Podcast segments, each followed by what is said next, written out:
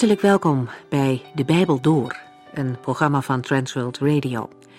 De Bijbel Door is een radioserie die u in vijf jaar meeneemt door de hele Bijbel. Van Genesis 1 tot Openbaring 22.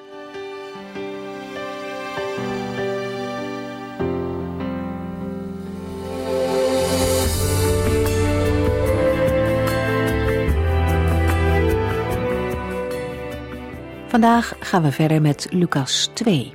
In de vorige uitzending van de Bijbel door zijn we getuigen geweest van de gebeurtenissen in het huis van Zacharias en Elisabeth. Maria was naar hen toegereisd zodra ze had gehoord dat ze zwanger was. Ze bleef drie maanden bij Elisabeth. Samen deelden ze de vreugde om hun zwangerschap en samen deelden ze ook de blijdschap omdat de Heere zo duidelijk omzag naar zijn volk. Ze mochten een rol spelen in het geweldige heilsplan van hem. En dat moet hen onvoorstelbaar dankbaar gemaakt hebben. De verlossing, waar mensen al sinds de schepping naar uitzagen, stond op het punt te komen. En in hun houding naar de Here toe zijn deze twee vrouwen een geweldig voorbeeld voor christenen. Maria sprak tegen de engel haar verlangen uit om beschikbaar te zijn voor de Here. Ze gaat vol vertrouwen een onbekende toekomst tegemoet, ook al begrijpt ze niet alles en overziet ze niet alles. Ze kiest er bewust voor om de Heere God te gehoorzamen. En die levensstijl is ook kenmerkend voor Elisabeth en voor Zacharias.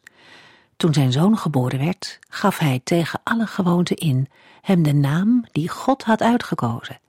Vanaf dat moment kon hij ook weer spreken. En de eerste woorden die hij spreekt zijn voor God.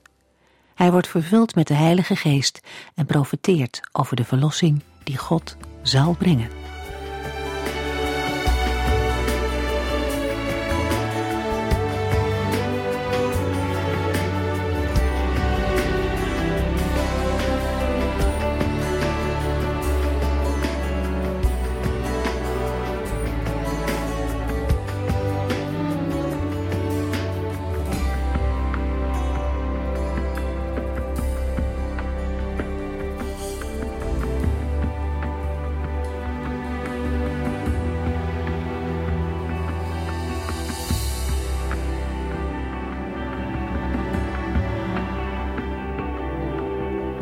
Na de afsluiting van Lucas 1 met de woorden: De jonge Johannes groeide op en werd sterk gemaakt door de Heilige Geest. Hij hield zich op in dorre streken en bleef daar tot de dag dat hij in het openbaar in Israël optrad. Nu volgt Lucas 2, het verslag van de geboorte van Jezus. Net als de aankondiging van de geboorte, zijn ook de verslagen van de geboorte van Johannes en Jezus zelf parallel opgebouwd. Daarbij valt op dat Lucas de geboorte van Johannes dateert aan de hand van de Joodse geschiedenis. In Lucas 1, vers 5 hebben we gelezen: Mijn verhaal begint bij de Joodse priester Zacharias, die leefde in de tijd dat Herodes koning van Judea was. Maar de geboorte van Jezus brengt Lucas in verband met de wereldgeschiedenis. Lucas 2, vers 1 en 2.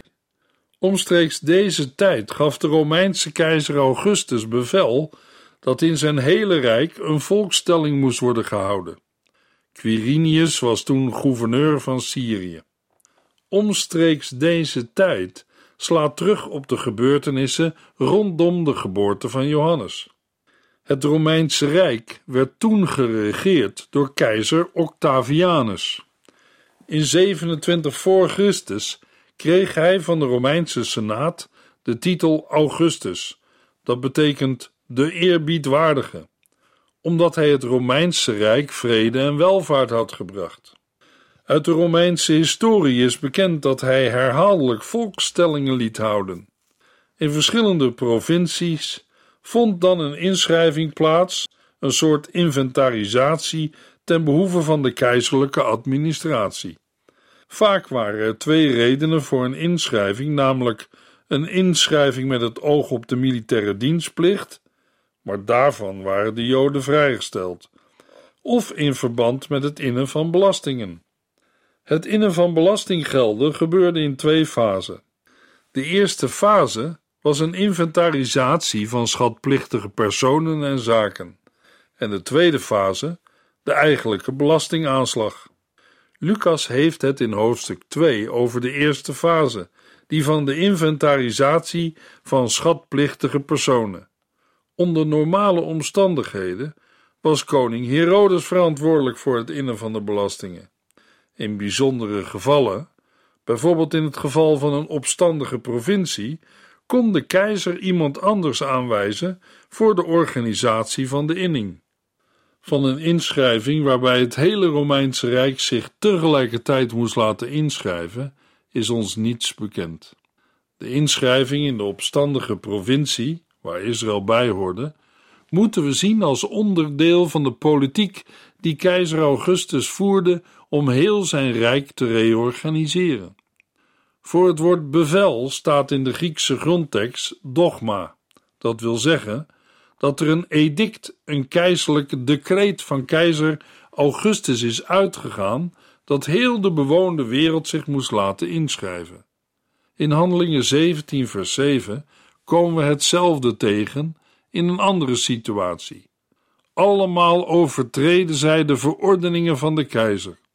Voor het woord verordeningen staat in de grondtekst dogmaton, de uitvoering van het decreet van keizer Augustus in de verschillende provincies heeft vermoedelijk vele jaren in beslag genomen. Het is zelfs waarschijnlijk, om reden dat er niets bekend is van een inschrijving van het hele Romeinse Rijk, dat het decreet niet tot een volledige uitvoering is gekomen. Met vers 2 komen we het probleem met het geboortejaar van de Heer Jezus op het spoor. Quirinius was toen gouverneur van Syrië. De meest voor de hand liggende conclusie uit vers 2 is dat de inschrijving binnen de ambtstermijn van Quirinius heeft plaatsgevonden. Omdat Jezus volgens Matthäus 2 vers 1 nog tijdens de regering van Herodes de Grote geboren is, hij regeerde van 37 voor Christus tot 4 voor Christus, moet zijn geboortejaar ten laatste op 4 voor Christus worden gesteld. Maar het staat ook vast dat Quirinius stadhouder of gouverneur over Syrië was van 6 tot 7 of 9 na Christus. Met andere woorden, tien jaar na de dood van Herodes, en dan ook minstens tien jaar na de geboorte van Jezus. Onder Bijbeluitleggers worden verschillende oplossingen voorgesteld. Het meest aannemelijk is om vers 2 comparatief vergelijkend te vertalen. Dat wil zeggen dat vers 2 als volgt vertaald moet worden. De inschrijving vond plaats voordat Quirinius gouverneur van Syrië was, of deze inschrijving vond plaats voor de veel bekendere inschrijving van Quirinius, de gouverneur van Syrië. Quirinius wordt dan genoemd omdat zijn naam verbonden was met een latere inschrijving die op de meeste mensen een diepere indruk had gemaakt dan de inschrijving die Lucas hier vermeldt. In Handelingen 5 vers 37 komen we de inschrijving of volkstelling onder Quirinius tegen en blijkt deze gepaard te gaan met onlusten en volksopstanden. Als we de geboortegeschiedenis van Jezus Christus gaan lezen, is het goed om ook de achtergronden en de toenmalige situatie in de wereld in ogenschouw te nemen. In Gelaten 4, vers 4 en 5 lezen we: Maar toen de juiste tijd gekomen was, de tijd die God daarvoor had bepaald, stuurde God zijn zoon, die als mens uit een Joodse moeder werd geboren en aan de Joodse wet onderworpen was. Hij zou ons vrijkopen van die wet, zodat God ons als zijn kinderen kon aannemen. Welke tijd was dat? De juiste tijd, de tijd die God daarvoor had bepaald. Het evangelie naar Lucas geeft historische informatie. De geboorte van Christus wordt in de tijd gemarkeerd. Lucas heeft uitvoerig en degelijk onderzoek gedaan. Hij schreef vooral voor de Grieken, de denkers van zijn tijd. Lucas wilde de Zoon van God voorstellen aan de denkers van zijn tijd, maar ook aan de hele wereld. Joachim Neander, geboren in Bremen in 1650, was een Duitse gereformeerde predikant en componist tekstdichter. Hij kwam uit een Duitse domineesfamilie die volgens de toenmalige mode de achternaam Neumann vergriekste tot Neander. Hij omschreef de aanloop en de tijd rond de geboorte van Christus als volgt.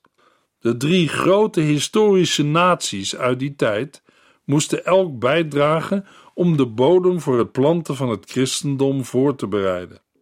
De Joden op het gebied van de godsdienst, de Grieken op het gebied van de wetenschap en de kunst, en de Romeinen op het gebied van organisatie en politiek als heersers van de toenmalige wereld. De evangeliën van Matthäus, Marcus en Lucas waren elk gericht op een bepaalde doelgroep.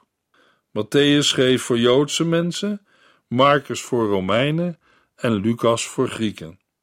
De Grieken onderscheiden zich duidelijk van andere historische volken. Zij waren in de antieke wereld de vertegenwoordigers van de redelijkheid en de menselijkheid. Ze vonden van zichzelf dat ze de opdracht hadden om de mensheid te vervolmaken. Ze maakten hun goden naar de gelijkenis van mensen, naar hun eigen gelijkenis. Daarmee verbonden zij wereldgelijkvormigheid en goddeloosheid aan de menselijke cultuur. Het was de apostel Paulus die de Grieken duidelijkheid gaf over het altaar van de onbekende God. Met al hun goden misten zij de enige ware God, de God en Vader van de Heer Jezus Christus. Lucas wist dat. Hij reisde met Paulus mee. Al deze ontwikkelingen en gebeurtenissen werden door de Heer gebruikt als voorbereiding op de komst van de Heer Jezus Christus in de wereld. Maar toen de juiste tijd gekomen was, de tijd die God daarvoor had bepaald, stuurde God zijn zoon. De denkende mensen van die tijd moesten het falen van de menselijke reden voelen en bekennen. Echte bevrijding en de volmaakte mens in schoonheid en kunnen kon ook de Griekse beschaving niet geven. Heel de tijd dringt en verlangt naar iemand die dit wel voor elkaar kon krijgen. Het Grieks werd als wereldtaal een middel om het woord van God te verspreiden. Het Nieuwe Testament en ook de vertaling van het Oude Testament, de Septuaginta, werd in de Griekse taal aan de wereld doorgegeven. De Heere gebruikte Alexander de Grote om dit mogelijk te maken. Over Alexander de Grote schreef een historicus: Hij pakte het netwerk van de beschaving op, dat in wanorde aan de oevers van de Aziatische kust lag, en verspreidde het naar alle andere landen die hij tijdens zijn veldtochten doortrok. Het oosten en het westen werden samengebracht. Gescheiden stammen en bevolkingsgroepen werden onder een gezamenlijk bestuur gebracht. Er werden nieuwe steden gebouwd als centra van het politieke leven. Er werden nieuwe communicatielijnen opgezet als kanalen voor handel en cultuur. De nieuwe cultuur drong overal door. De Tigris en de Eufraat werden Griekse rivieren. De taal van Athene werd in de Joodse kolonies van Babel gehoord. Alexander bouwde zijn eigen Griekse Babel in Egypte, Alexandrië. Lucas 2, vers 1 en 2.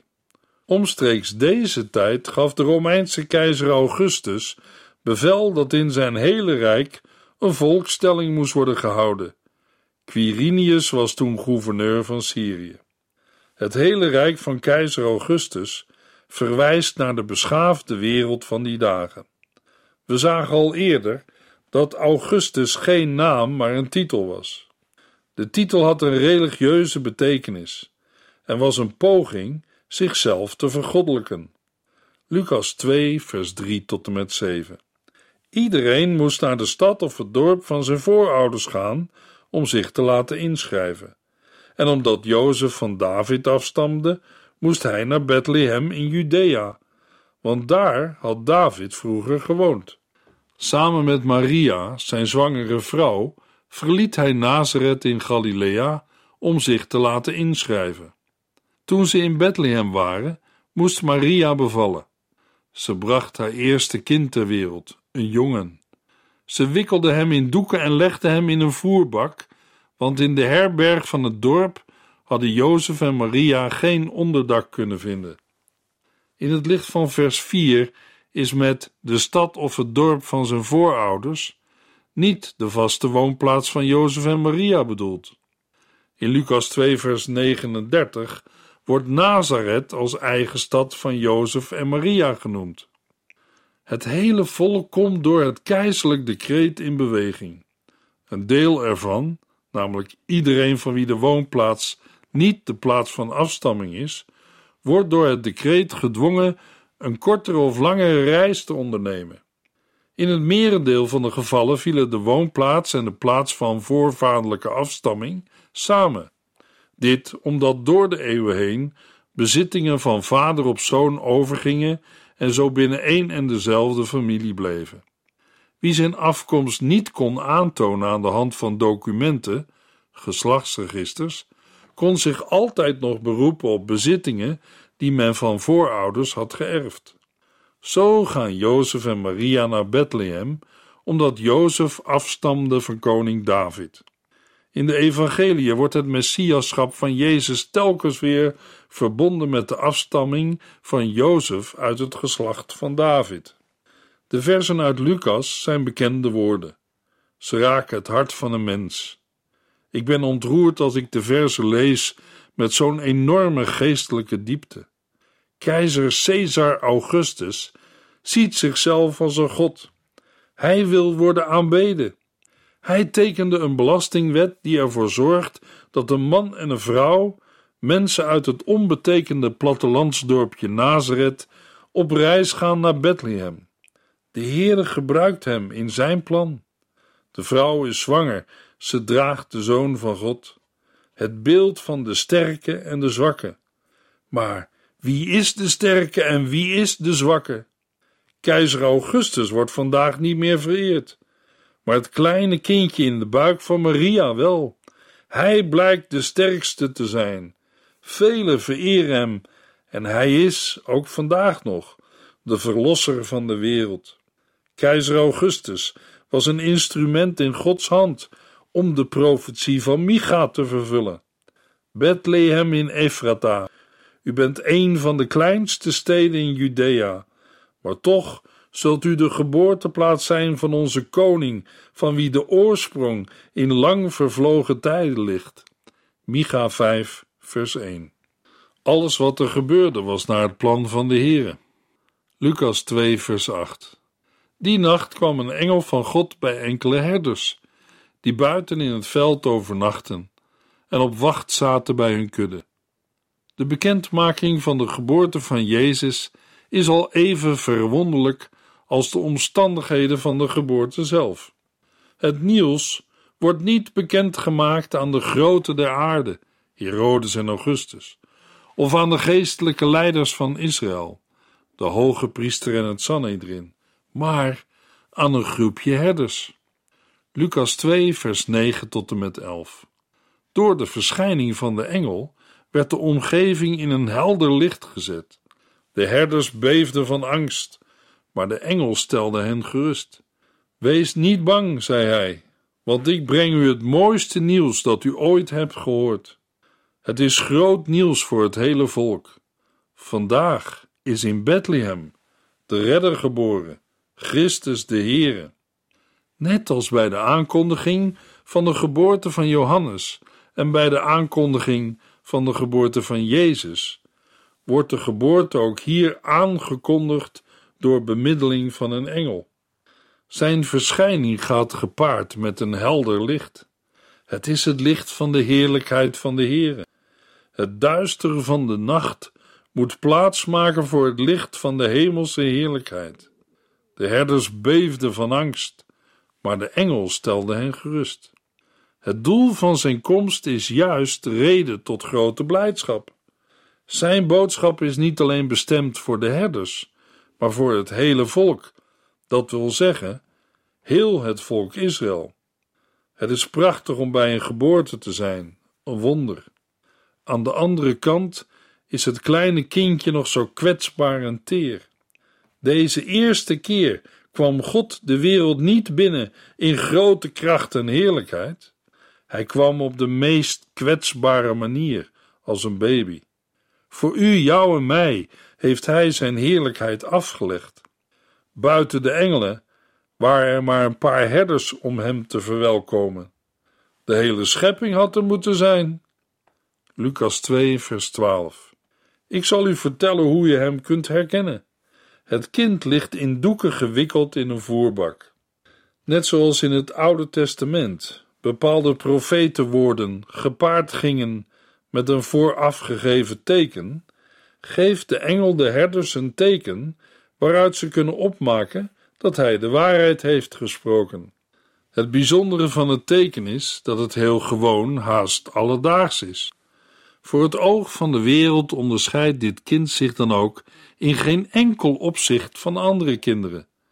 Dat juist dit kind de door God gezonde Messias is, daarvoor zijn de herders op dit moment aangewezen op het woord van de engel. Erkenning van Jezus Christus als de door God gezonde Messias is in eerste instantie een zaak van vast vertrouwen op het woord van God. Lucas 2, vers 13 en 14. Plotseling kwamen bij de engelen menigte andere engelen, die God loofden. Een hemels leger was het. Ere zij God in de hoge, zongen zij. Vrede op aarde bij de mensen die naar zijn wil leven. We leven in een wereld waar geen vrede is. Maar waar is de vrede te vinden? Romeinen 5, vers 1 zegt: Omdat wij ons aan God hebben toevertrouwd, zijn wij rechtvaardig geworden. En leven wij nu in vrede met God, dankzij onze Heer Jezus Christus. Toen Christus de eerste keer kwam, bracht en verwierf hij deze vrede. Bij zijn tweede, dat is zijn laatste komst, zal hij komen als de vredevorst. Dan zal hij zijn vrede op de aarde vestigen. Dan worden alle tranen van de ogen gewist en zal er geen pijn en verdriet meer zijn. Stil maar, wacht maar, alles wordt nieuw. Lucas 2, vers 15 en 16. Zodra de engelen naar de hemel waren teruggekeerd, zeiden de herders tegen elkaar: Kom, we gaan vlug naar Bethlehem. Nu de Heer ons dit verteld heeft, moeten wij zien wat daar gebeurd is. Ze liepen snel naar het stadje en vonden Maria en Jozef en zagen het kind. Het lag in een voerbak. De herders haasten zich naar Bethlehem. Ze waren waarschijnlijk de eerste die op kraamvisite kwamen. Lucas 2, vers 17 tot en met 20. Nadat ze het hadden gezien, gingen de herders overal vertellen wat er was gebeurd en wat de engel over het kind had gezegd. Ieder die hun verhaal hoorde was verbaasd. Maria nam deze dingen stil in zich op en dacht er veel over na. Later gingen de herders weer terug naar hun kudde in het veld.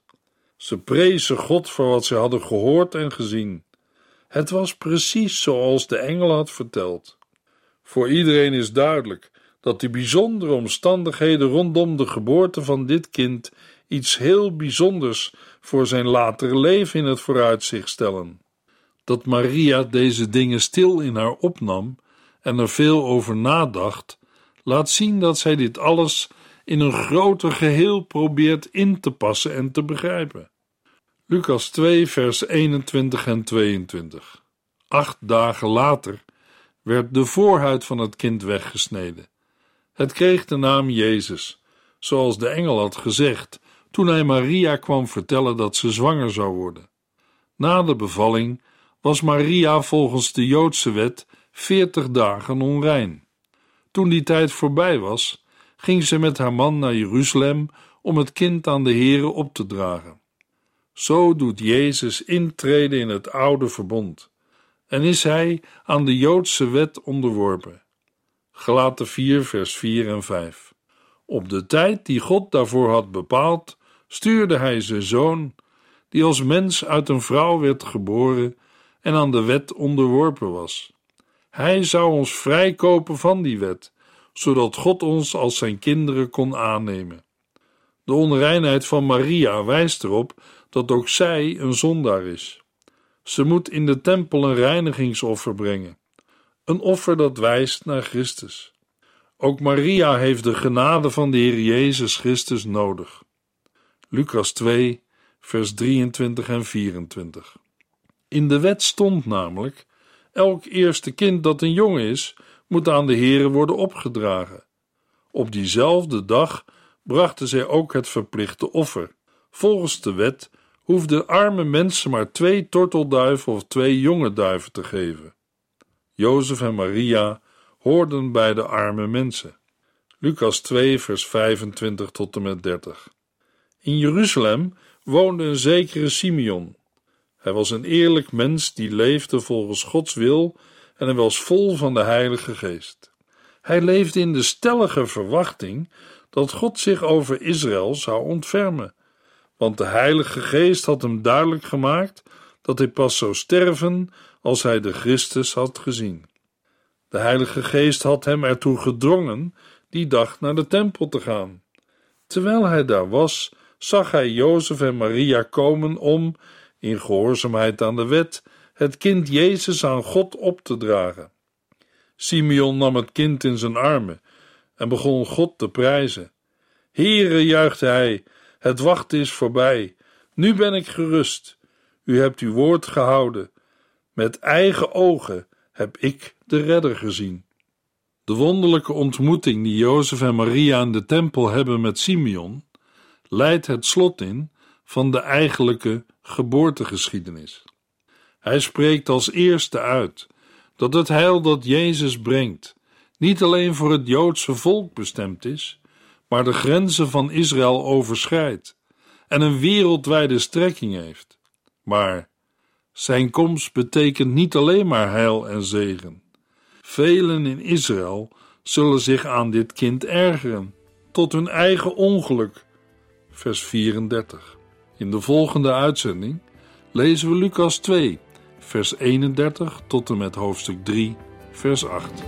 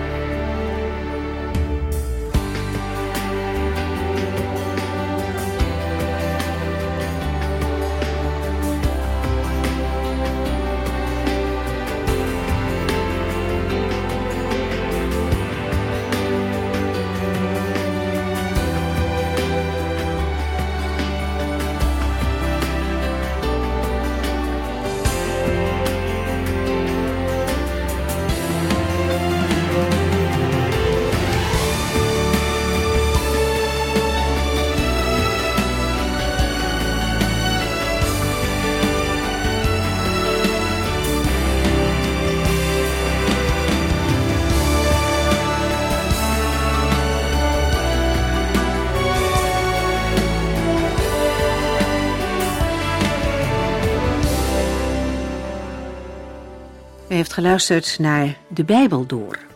In het Nederlands vertaald en bewerkt door Transworld Radio. Een programma waarin we in vijf jaar tijd de hele Bijbel doorgaan.